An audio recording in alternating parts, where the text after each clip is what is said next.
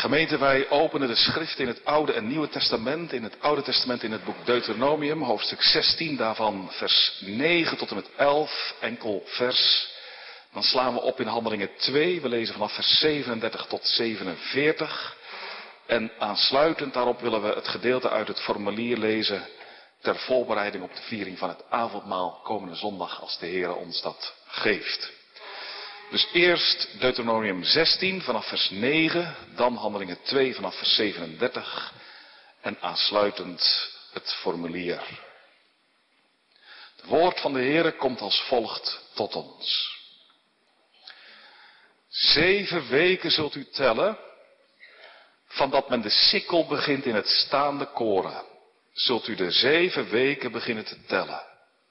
En daarna zult u voor de Heere, uw God, het feest der weken houden. Het zal een vrijwillige schatting van uw hand zijn dat u zult geven, nadat u de Heere, uw God, zal hebben gezegend. En u zult vrolijk zijn voor het aangezicht van de Heere, uw God, u en uw zoon en uw dochter en uw dienstknecht en uw dienstmaagd en de leviet die in uw poorten is en de vreemdeling en de wees en de weduwe die in het midden van u zijn, in de plaats die de Heere uw God zal verkiezen om zijn naam aldaar te doen wonen. Dan slaan we op bij Handelingen 2, vers 37.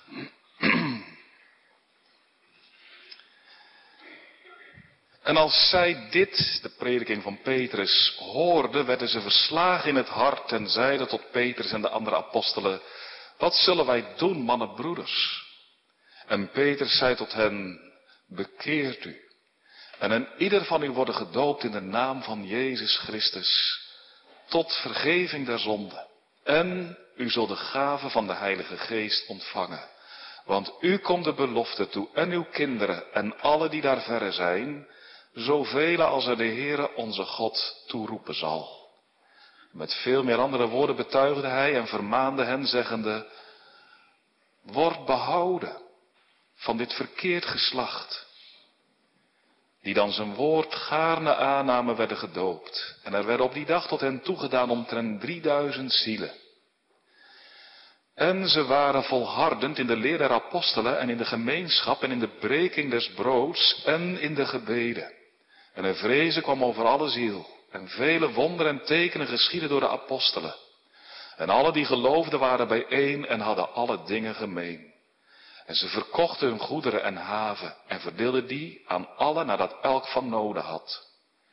En dagelijks eendrachtig in de tempel volhardend en van huis tot huis brood brekend, aten ze samen met verheuging en eenvoudigheid des harten.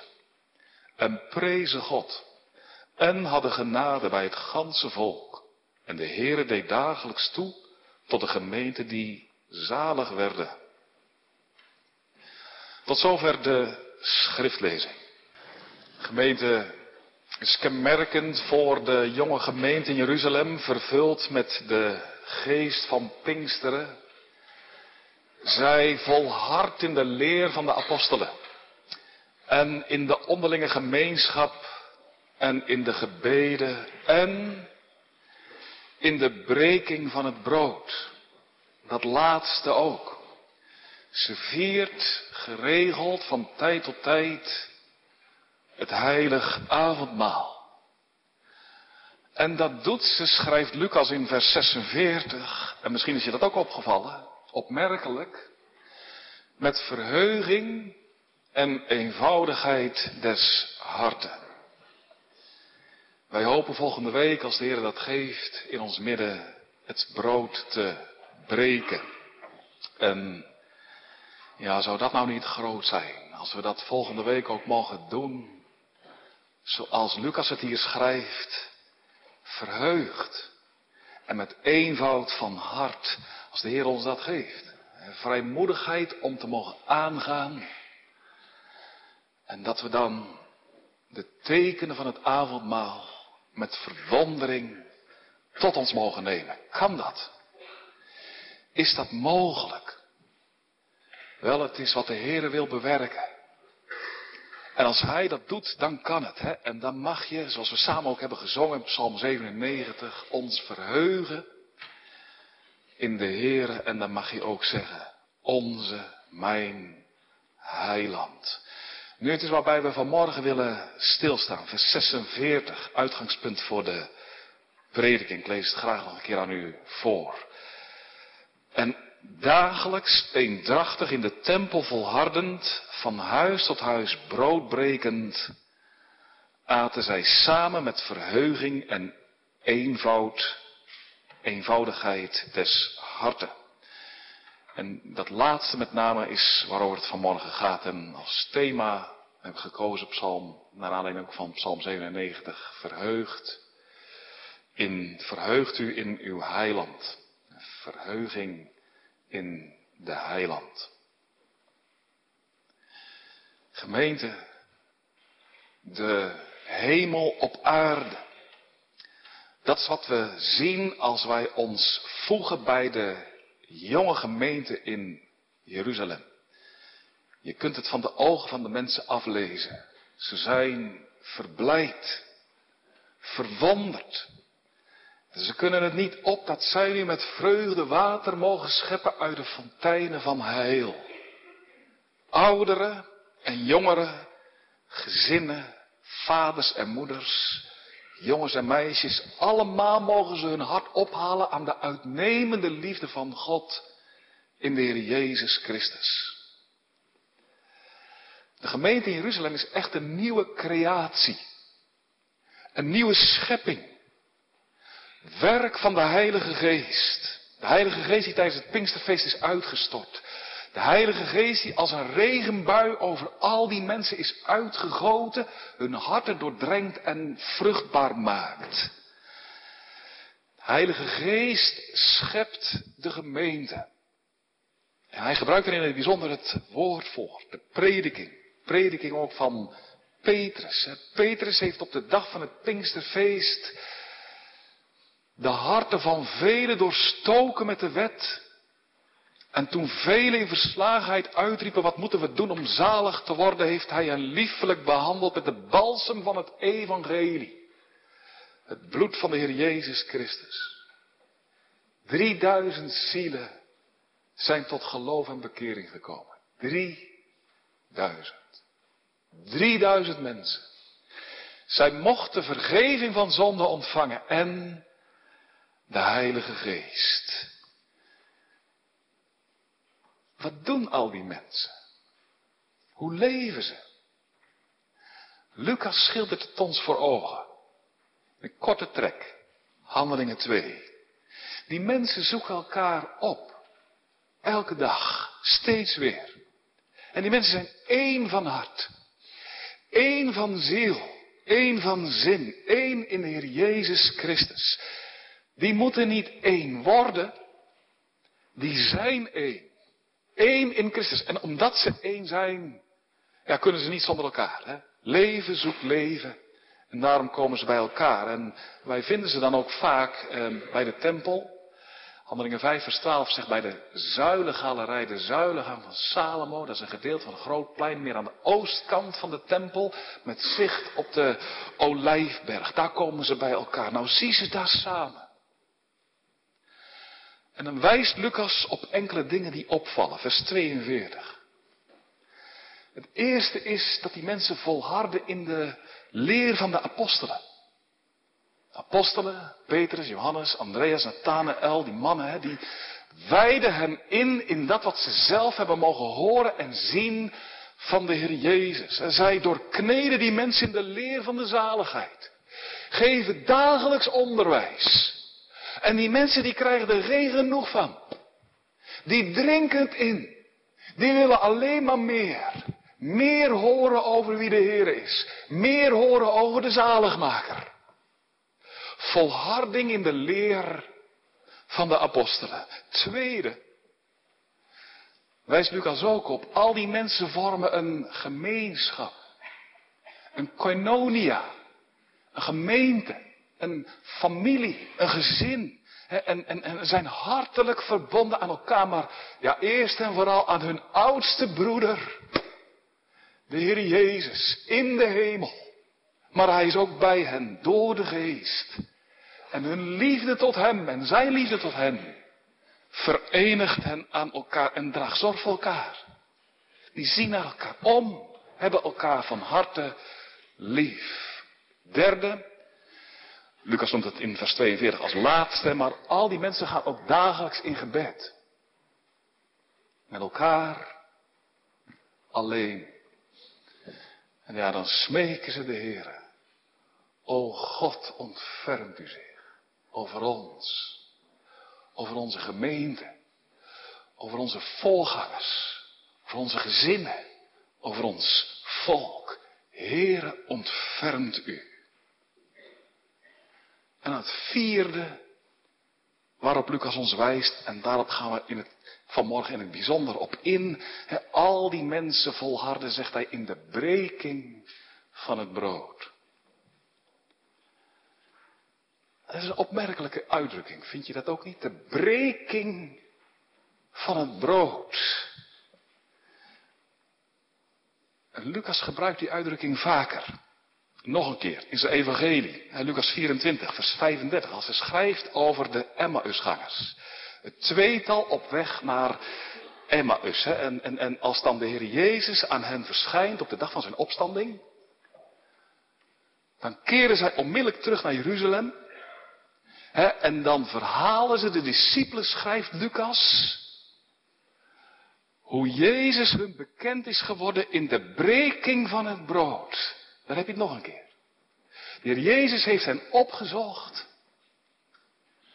In huis meegedaan aan de maaltijd. Hij nam het brood, hij brak het en hij deelde het. En met dat hij het uitdeelde, vielen de schellen hun van de ogen en zagen ze wie bij hen was.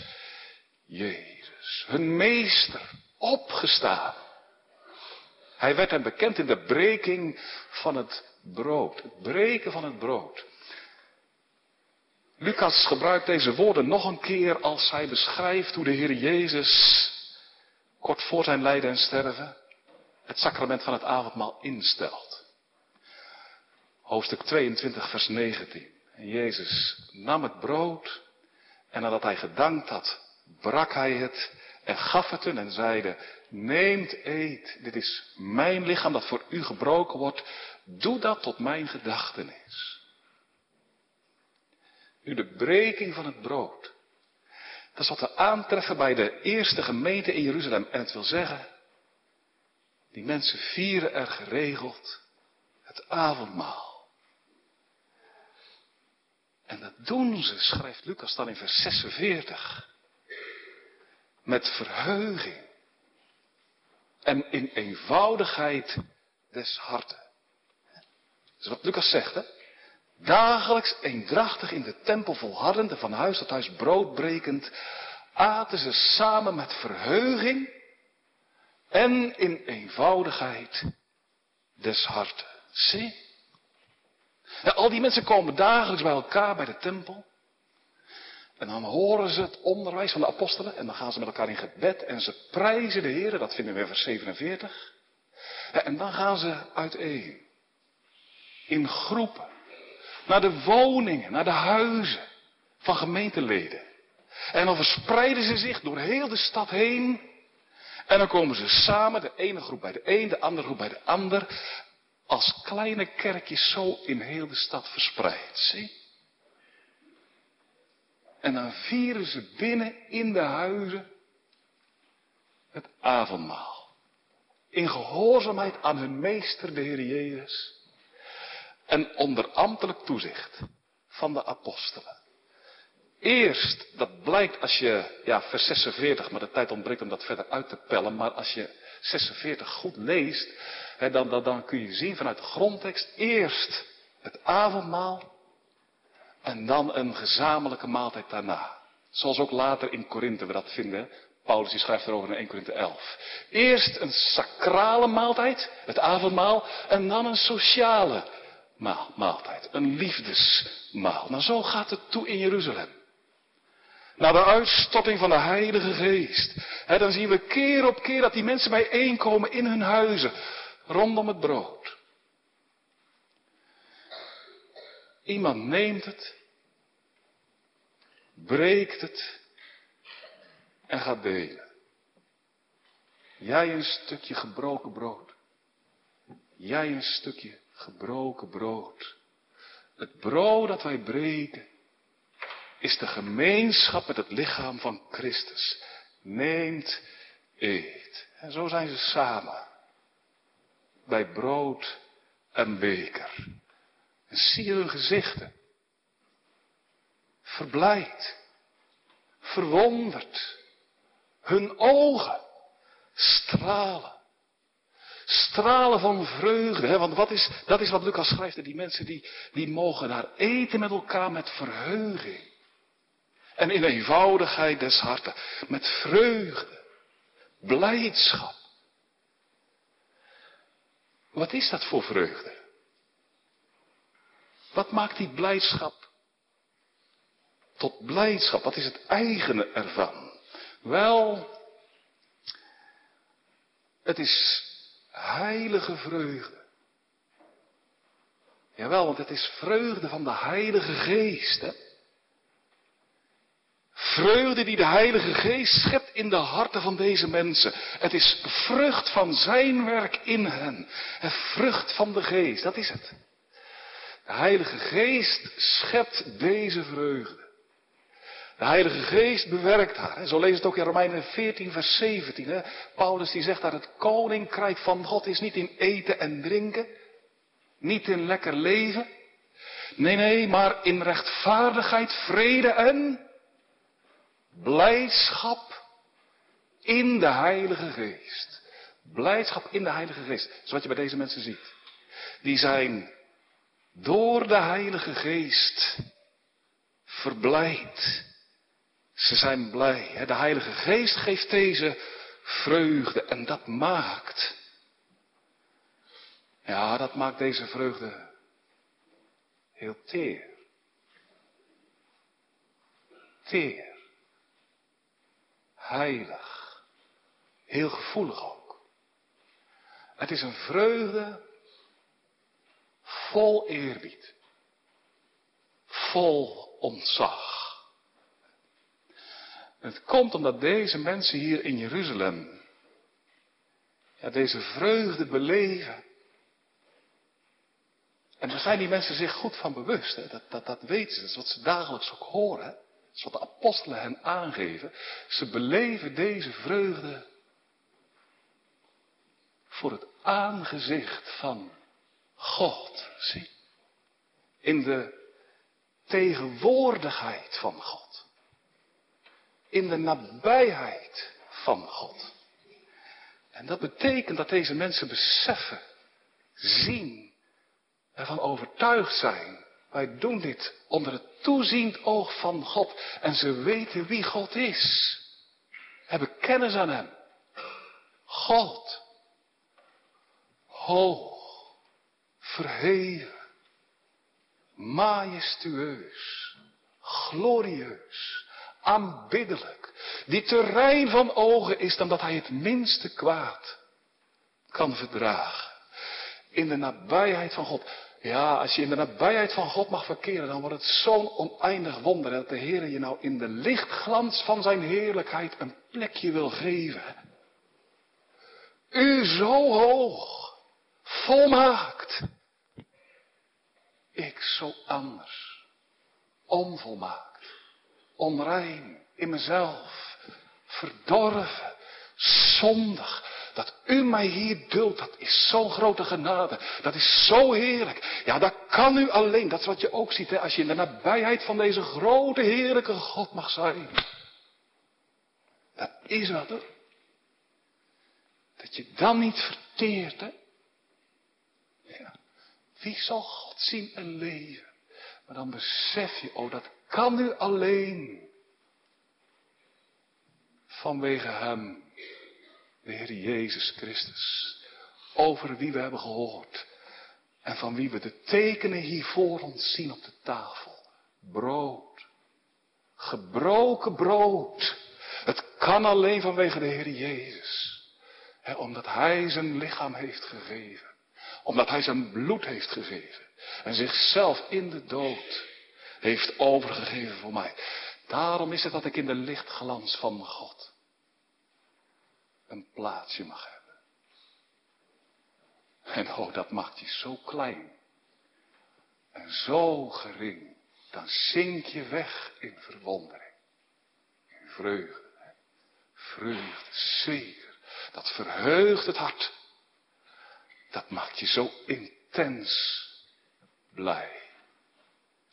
Heilige blijdschap. Zie, is een vrucht van de geest. Daar zorgt de Heilige Geest voor. Hij schept deze vreugde. En ja, daarom is deze vreugde ook niet opgelegd. Hè? Nee. Geen opgelegd pandoor. Niet gemaakt. Nee, nee. En maar ze vloeit voort uit de sapstromen van God zelf. Van de Heilige Geest. En ja, dat is ook wat je proeft. Dat is wat je proeft. Als je bij deze mensen zou zijn, dat is ook wat we lezen uit de context. Hè? Het volk is diep onder de indruk. Het legt beslag. Het verwekt eerbied. Heel anders als als mensen blij doen, maar het ten diepste toch niet zijn. Hè? En zichzelf proberen blij te maken en zichzelf blij voordoen, omdat ze denken dat dat moet, omdat dat hoort. Hè? Maar dan proef je dat, dat voel je dan, maar voel je het niet echt. Het is niet, niet authentiek. Gekunsteld, hè, gemaakt. Hè? Dat komt niet voort uit een verbroken hart. Uit een hart dat verwonderd is dat God nu met mij van doen wil hebben. En dat komt niet voort uit een hart dat zich realiseert en ten volle beseft ook. Het is onverdiend, zo onverdiend. dit is iets wat ik met nou in het geheel niet waardig heb gemaakt. En toch mag ik het ontvangen. En dat vanwege het werk van de Heer Jezus alleen. Ja, de vreugde die er is. En die de Heilige Geest geeft, die, die is ook altijd vermengd met dat wat we aantreffen in vers 43. Vrees. Lucas schrijft, alle ziel werd vervuld met vrees. Niet, niet angst, dat niet, hè, maar, maar, maar, maar, maar, maar met, met, met eerbied. Hè. Met hoogachting. En met liefde, dat ook. Heilige, tere liefde tot God, hè, die groot is en verheven. Nu zie je al die mensen bijeen. In de huizen in Jeruzalem, ze verheugen zich in de Heer. En we moeten ook goed bedenken, deze mensen, en dat weten deze mensen natuurlijk zelf heel goed. En deze mensen zijn geredde mensen. Geredde mensen, ja. Dat is wat ze zich ten volle bewust zijn. Wij waren verloren. Als drenkelingen in het water. Op het punt om te verzinken. Onder het oordeel van God. Die wij vertoornd hadden met onze zonde door de Heer Jezus aan het kruis te laten nagelen. Op het punt om voor altijd te verdrinken. Wij meenden ten onder te gaan. Maar we zijn gered. In veiligheid gebracht. We staan op het droge en dat door Hem. Die onze redder is ons van God gegeven, de Heer Jezus Christus. Hè? Dat is ook wat in dit gedeelte zo nadrukkelijk naar voren komt. Hè? Dat zij geredde mensen zijn. Hè? Petrus roept het hun toe, vers 41. Hè? Wordt behouden. Behouden. Gered. Laat je redden. En, en aan het einde van het hoofdstuk, vers 47, dan lezen we dat de Heer, de Heilige Geest, dagelijks tot de gemeente toedeed die zalig werden, hè, die behouden werden. Dus deze mensen hier in Jeruzalem, geredde mensen, dat is wat hen typeert. Ja, en, daar is ongetwijfeld ook over gesproken. Met elkaar, bij dat breken van het brood. Over het gevaar waarin ze hebben verkeerd. En dat hun ogen daarvoor geopend zijn door de prediking van Petrus. Voor hun zonde. De reden van het gevaar. Voor het oordeel. Ongenoegen van God waaronder ze leefden. Daar hebben deze mensen iets van gezien. Hebben ze, om zo te zeggen, dit is voor deze mensen geen theorie. Die hebben daadwerkelijk doorleefd. Wij zijn in groot gevaar.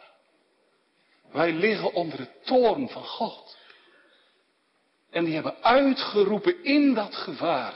Mannen, broeders, wat moeten we doen? We weten geen raad. Is er voor ons nog een weg van ontkoming? Kunnen we nog behouden worden? Die, ook, die mensen die wisten ook, ja, wij kunnen onszelf niet redden, wij moeten gered worden. En toen hebben ze in die nood mogen horen. Het woord van Petrus, het evangelie. Wordt behouden. Bekeer u. Wees niet langer ongelovig, maar gelovig. Wijs de Heer Jezus niet af, maar aanvaard hem. En dat is wat ze hebben mogen doen. Ze hebben het woord mogen aanvaarden, dat lezen we in vers 41, die dan zijn woord gaarne aannamen. Ze hebben het woord mogen aannemen in hun nood oog gekregen voor de redder, de zaligmaker, de Heer Jezus Christus. En ze hebben hem in dat woord aangeboden. Met armen van geloof mogen aannemen en, en, en, zo zijn ze gered. Hè? Zitten ze bij elkaar. En zij mogen weten, terwijl zij op het gebroken brood zien, wij zijn behouden door de Heer Jezus Christus, die voor ons uit louter genade zijn leven heeft gegeven.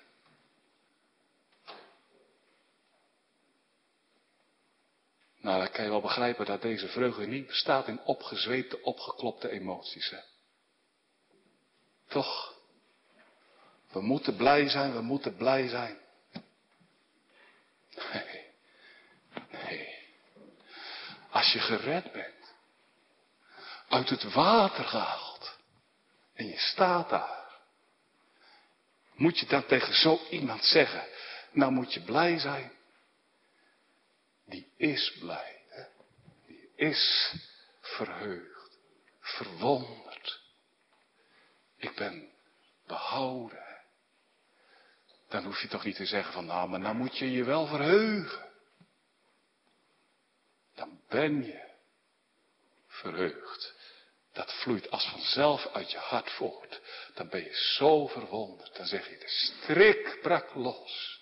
Hij was in de strik gezeten. De strik brak los. En wij zijn vrijgeraakt. Wat een wonder. Wat een genade. Dat is juist een heel tere, tere vreugde. Een vreugde die gepaard gaat met verwondering. En een onuitsprekelijke liefde tot de Heer Jezus Christus. Een vreugde die ook gepaard gaat met zelfvernedering. Dat ook. Zelfvernedering, zelfveroordeling, verootmoediging. Een vreugde die zich niet zelden uit in Tranen, zoete tranen, tranen van evangelisch berouw. Nou, zo eten die mensen daar met elkaar. Verheugd. En, zegt Lucas ook, en dat is een wonderlijke uitdrukking eigenlijk wel, hè, in eenvoudigheid des harten. Eenvoud van hart. betekent eigenlijk zoiets als, hun harten zijn eenvoudig, enkelvoudig, doorzichtig. En die houden niet meer de stand op. Die leven niet meer in een soort schijn. Maar die zeggen, Heere, kijkt u er maar in. U weet alle dingen. En u weet wie ik in mijzelf ben. Een verloren mens. Totaal. Maar u weet ook, Heer Jezus, dat ik u lief heb. Niet met een liefde zoals u toekomt, maar toch, ik heb u van harte lief. Dus, dat, is, dat is een enkel een eenvoudig hart. Een hart dat open ligt, doorzichtig is, tot op de bodem van de Heer. Voor de Heer. Heer, kijkt u er maar in. U weet alle dingen. U weet dat ik u lief heb. Dat ik niet zonder u kan. Eenvoud van hart. Dat betekent ook dat je hart ongedeeld is. De verlangens van je hart, de uitgangen van je hart, Dat wanneer je hart zich opricht, hè, je liefde, dat is, dat is ongedeeld. Hè. Dat richt zich geheel op de Heer. In verwondering, in vreugde. En dat is wat gebeurt als de Heilige Geest je hart vervult. Hè. En dan is het niet meer God wat en de wereld wat. Dan is het niet zo in je leven, nou ik ga naar de kerk en heel af en toe ga ik ook wel naar de kroeg. Het is ook niet zo van, nou ik zing psalmen en door de week luister ik ook wel wereldse muziek. Nee, dan wordt het één, ongedeeld. En dan, dan zeg je, Heere, u alleen. U bent al mijn liefde waardig. Hè? Dan zeg je, als je mag zien op de Heer Jezus. En je mag zien, oh, Hij heeft mij uit de ellende verlost. Ja, dan komt er ook dankbaarheid, hè. Ga je zingen. Weg wereld, weg schatten. U kunt niet bevatten hoe rijk of dat ik ben. En dat is wat de Heilige Geest in het hart wil verwekken. Juist ook als je in geloof in de huizen mag zijn, hier in de kerk. En je mag het brood gebroken zien worden. En je mag het brood eten. En je mag zien het lijden en sterven van de Heer Jezus. Ja, dan kan je hart vervuld worden, toch? Hè? Zeggen, oh Heer Jezus. Wat bent u goed, wat bent u goed. Dat u mij dit geeft, dat u uzelf geeft voor mij, opdat ik in de nabijheid van God mag verkeren, voor zijn aangezicht mag wandelen, hem mag aanbidden, hem mag loven en eren. Dat kan nou alleen omdat u hè, uw lichaam hebt laten verbreken en uw ziel hebt uitgestort in de dood. Dan word je eenvoudig, enkelvoudig van hart. Bij momenten. Momenten. Dan roep je uit. En als zo de Heilige Geest je vervult. En dat is wat bij deze mensen in Jeruzalem voortdurend mag gebeuren. Dan roep je uit, oh wie heb ik nevens u omhoog, Heer Jezus. Wat zou mijn hart, wat zou mijn oog op aarde nevens u toch lusten. Dan, ja, dan wordt je hart ongedeeld. En dan is het niet met die kant op en die kant op. En ja, ik ben ook nog wel druk met een nieuwe auto of een nieuw huis. Dan zeg je, weg met die auto, maakt me niks uit. Geeft niks om. En met mijn huis ook goed. Als ik weer Jezus maar heb. Als ik Hem maar mag hebben. Maar dat is een ongedeeld eenvoudig hart. En zo mogen deze mensen hier avondmaal vieren. Nou, is dat nou niet kostbaar? Dat is toch heerlijk? Vervuld met de Heer Jezus Christus. Is dat nou niet om naar uit te zien ook volgende week? Dat we zo samen avondmaal mogen vieren. Met verheuging en met een ongedeeld hart. Nou, dat zou me toch groot zijn, hè? Dat je nou vrijmoedigheid mag krijgen om hier een plaatsje in te nemen. En, en, en dat je dan, ja, mag zien op de Heer Jezus. En je mag opspringen van vreugde. U al mijn liefde waardig achten. Heer Jezus, u bent zo goed.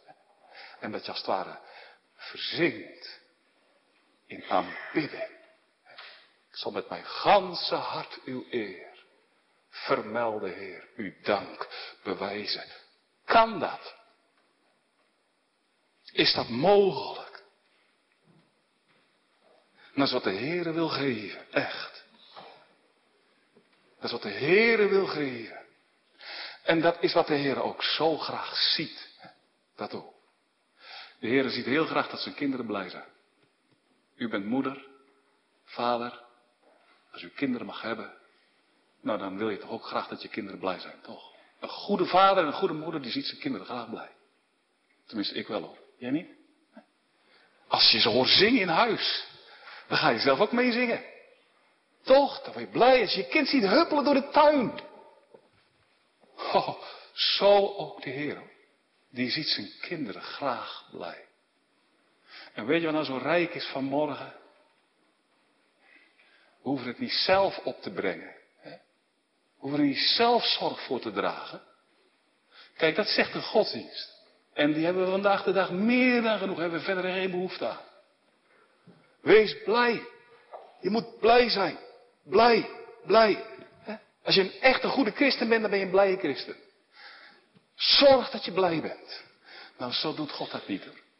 Echt niet. God geeft het. De Heilige Geest geeft het. Uit genade. Die doet het. En dat is onze hoop. Dat is onze verwachting. Als ik u toch vanmorgen zou moeten oproepen. Zorg ervoor dat je volgende week blij bent. En als je het niet bent, moet je hier niet komen. Zo doet God dat niet. Echt niet. Die vreugde, die schenkt de Heilige Geest en die vloeit voort uit het gelovig zien op de Heer Jezus. Echt. Als je mag zien op de Heer Jezus. Met ogen van geloof. Nou, dan hoef ik je niet te zeggen. Dan moet je wel blij zijn. Kijk, dat mag ik je dan wel zeggen. Wees vrolijk. Maar dan wordt het evangelisch. Dat is een evangelisch voorschrift. Ach, zul je dan niet zingen? Je verwonderen. En zeg je graag. Ik wil zingen van mijn heiland. Ja. Nu is het wel belangrijk. In de week van voorbereiding. Dat we onszelf ook onderzoeken. Hè? Voor het aangezicht van de Heer. Dat is wat de Heilige Geest ook wil. Dat wij onszelf beproeven. En dat kan ook. Hè. We zijn natuurlijk wonderlijke mensen, wonderlijk gemaakt. Ook. We kunnen met onszelf in gesprek. Dat moet je ook doen. Daar moet je van de week ook de tijd voor nemen. Moet je gewoon rustig gaan zitten. En met jezelf in gesprek gaan. Jezelf vragen stellen. Dat kan. Wonderlijk, hè? Daar zijn we mensen voor. Zo heeft de Heer ons geschapen. Dat je met jezelf in gesprek kunt. Nou, dat moet je van de week ook echt doen. In alle rust en stilte. Dan neem je eens een stil moment. En dan ga je jezelf vragen stellen. Welke vragen? Nou, ken je daar nou ook iets van? Van die verheuging en die eenvoud van hart. Dat je door het zien op de Heer Jezus je ook hebt verwonderd. Heer Jezus, wilt u omzien naar mij?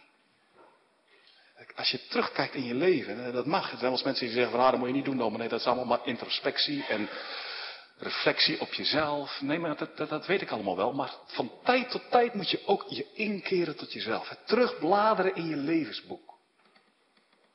Ken je dat? Die momenten dat je aan de voeten van de Heer Jezus mocht zitten. Ja, en dat je hart. Zo kan het zijn, dat je, dat is natuurlijk trap en maat, dat is verschillend, maar zo kan het echt zijn dat je hart ja, zo vol wordt van de genade van de Heer Jezus. Dat je hart als het ware smelt. Hè. Als ijs voor de zon. Dit blokje ijs, leg je het licht van de zon. En als je dan even later erbij staat, dan vloeit het helemaal uit elkaar. Ken je dat? Dat je zegt, mijn ziel is als een, dat is zo'n mooie uitdrukking, als een gewaterde hof. Ja, een proefje van de goedheid van de Heer voor jou, voor mij. En, en dan, gaat je, dan gaat je ziel als het ware als vanzelf wenen, wenen. Ja. In Schotland, in de kerstgeschiedenis, dan waren de avondmaalstijden vaak hoogtijdagen. Die kleine dorpjes, en er kwamen van alle kanten vandaan gaan mensen avondmaal vieren. Hè? En, en dan waren vaak tijden waarop de Heilige Geest rijk werkte en dan de harten van die mensen vervulde. En dan gebeurde het wel hè, dat die tafels vol liepen met mensen. En dan snikten ze het uit. Zelfs de, de lakens nat van de tranen. Vanwege de goedheid van de Heer Jezus. Die zo nabij was. Waardoor mensen verbroken werden. Dat kan. Kan ook zijn dat het juist meer zo naar buiten komt dat je als het ware opspringt van vreugde. Ken je dat ook? Dat je, wat Psalm 68 zegt zo mooi, gaat huppelen van vreugde. Hij was gehuppeld. Misschien hier over het kerkpad, hier zo, hier langs. Dat oosteinde uit de kerk. Oh Heer. Dat kan. Dat staat in de psalmen, ja, maar dat is ook voor vandaag. Hè? Dat je hart zo vol wordt, dat je als het ware opgetild wordt. Heer, ik zal u loven. Dat je het als het ware niet meer voor jezelf kunt houden. Dat het zo vol wordt van binnen dat je het moet eruit. En ga je zingen. Huppelen. Maar het kan ook in stilte. Oh zeker. Want ik ken ook wel mensen die zeggen, ja dominee, mijn gevoelsleven is vlak. Door allerlei omstandigheden. En dat is ook zo. En dat kan. Vanwege allerlei redenen. dat je gevoelsleven vlak ook moet zijn. Terwille van je gezondheid. Dan kan het ook zijn dat de lofzang in stilheid is. Dat je je verheugt in verbondenheid ook met de kerk, de Jeruzalemse kerk. Verheugt in de God van je heil. Mensen in Jeruzalem, verheugd. Hè? Zij weten, wij zijn gered. Kijk van de week eens terug in je levensboek. Mag je dat ook weten? Ik ben gered. En, en, en als je weet dat je gered mag zijn, hè, dan weet je ook van een periode waarin je het niet was. Ken je dat ook? Niet gered. Ik moet sterven. Ken je dat? Ik moet sterven voor de heilige God staan. Ik kan niet sterven. Hoe moet het toch? Hoe zal ik ooit mijn maker onder ogen kunnen komen? Mijn schepper, die zo heilig is, niet gered. Ken je er iets van? Of is het theorie? Moeten we ook, moet eerlijk met elkaar omgaan, hè? Vandaag de dag is veel theorie, ben ik wel eens bang voor. Dat velen het historisch geloof houden voor het ware zaligmakende geloof. En ze zeggen dat ze gered zijn. Maar als je vraagt, wat betekent het nou om niet gered te zijn? Dat is het eigenlijk niet kunnen zeggen. Ken je dat? Ik lag gekneld. Dat is ook een psalm. Hè? Ook voor vandaag. Ik lag gekneld. In banden van de dood. Daar danks der hel mij alle troost deed missen. Als je terugbladert in je levensboek, je dan ook momenten dat die, dat die, dat die, dat die benauwdheid wegging. Dat je je redder mocht zien, de Heer Jezus Christus. Zoals deze mensen in Jeruzalem. Zij hoorden het woord van Petrus. In dat woord zagen zij hem. De Heer Jezus Christus, hun heiland, hun zaligmaker. Is hij je verschenen? Heeft hij zich aan je bekendgemaakt door het woord in je hart? Heeft hij zich aan je geopenbaard? In zijn liefde. Zie hier ben ik. Zie hier ben ik. Ik ben uw heil. Alleen. En dat je mocht zien, ja de Heer Jezus, dat is nou niet de gedachte. Een persoon. Hij komt me nabij. Hij roept me. Hij nodigt me. Hij lokt me mij. En dat je zo daarop op zijn roepstem tot hem bent uitgegaan. O Heer Jezus. Dat u naar mij op het oog geeft. Dat u mij wil oprapen. Nou dat. Ken je daar iets van in je leven?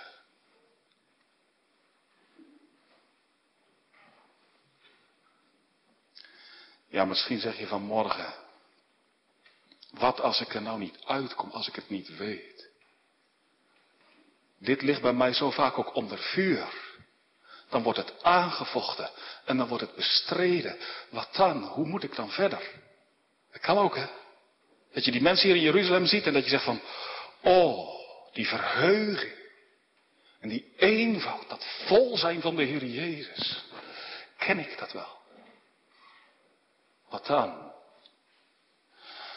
Wel, de blik moet ook naar buiten. Hè? Naar binnen, tuurlijk, zelfonderzoek, maar ook naar buiten.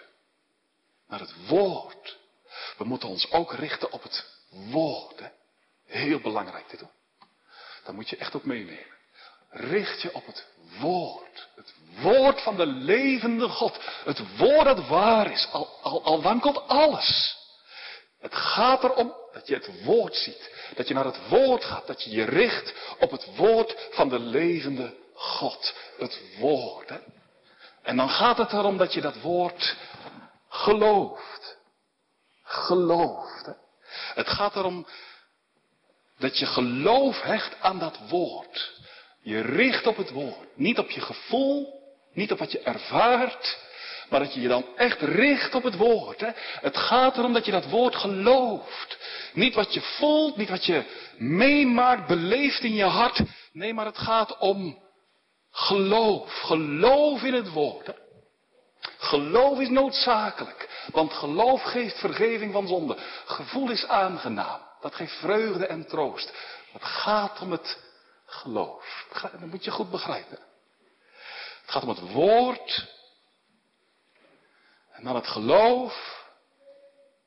En dan in meer of mindere mate het gevoel. Vreugde. Verheuging. Het woord gaat voorop.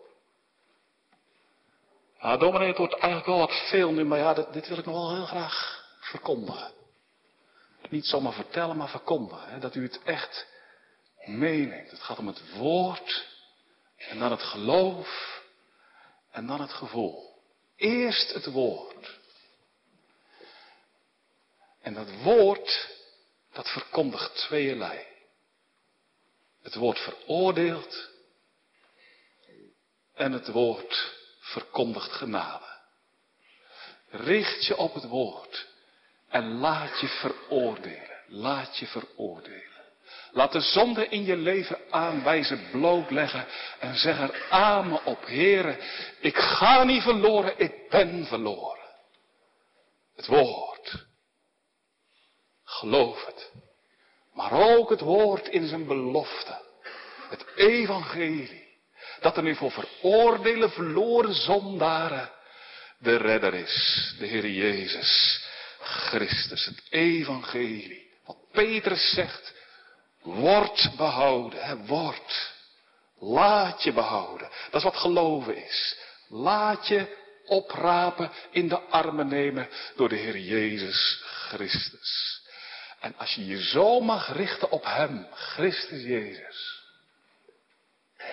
die in het woord tot ons komt, dan komt er ook vroeg of laat, in meerdere of mindere mate, de verheuging. Richt je niet te zeer op de verheuging, op de vreugde.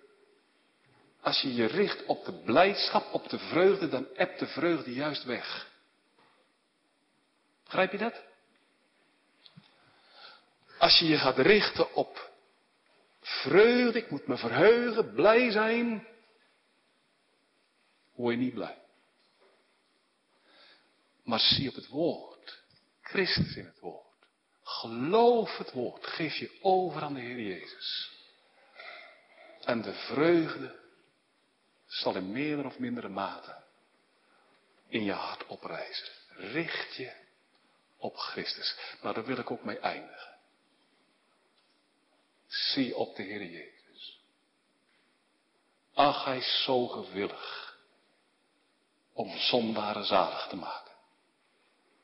Gewillig om mensen in Jeruzalem zalig te maken. Nou, daar waren geen beste die daar zaten aan de tafel, hè? Geen beste. Zondaren hadden Christus gekruist. Hij zegt, kom tot mij. En ze kwamen. Nu u ook, voeg u bij hen bij deze zondaars in Jeruzalem. En een vrede met God. Christus werkt. Hij is duizend keer gewilliger om u te behouden dan dat u ooit gewillig kunt zijn om te zondigen.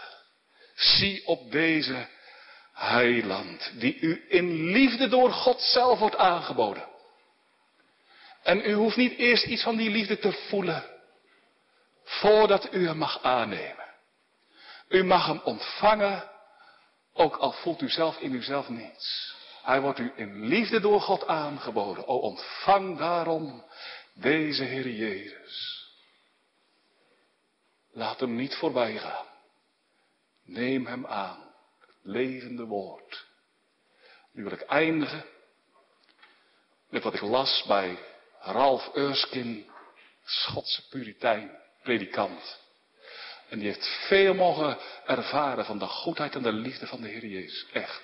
Heeft hij uit mogen zingen en mogen preken. Maar die schrijft ergens heel treffend in de voorbereiding spreek op het avondmaal. Hij zegt, de beste gestalte om deel te nemen aan het avondmaal is die gestalte waarbij je afziet van alle gestalten en opziet tot Christus alleen. Kun je dat houden? De beste gestalte is die gestalte waarbij je afziet van alle gestalten. Niet meer op je hart, maar op Christus alleen. Zie op Hem en verheug je in uw heiland. Amen.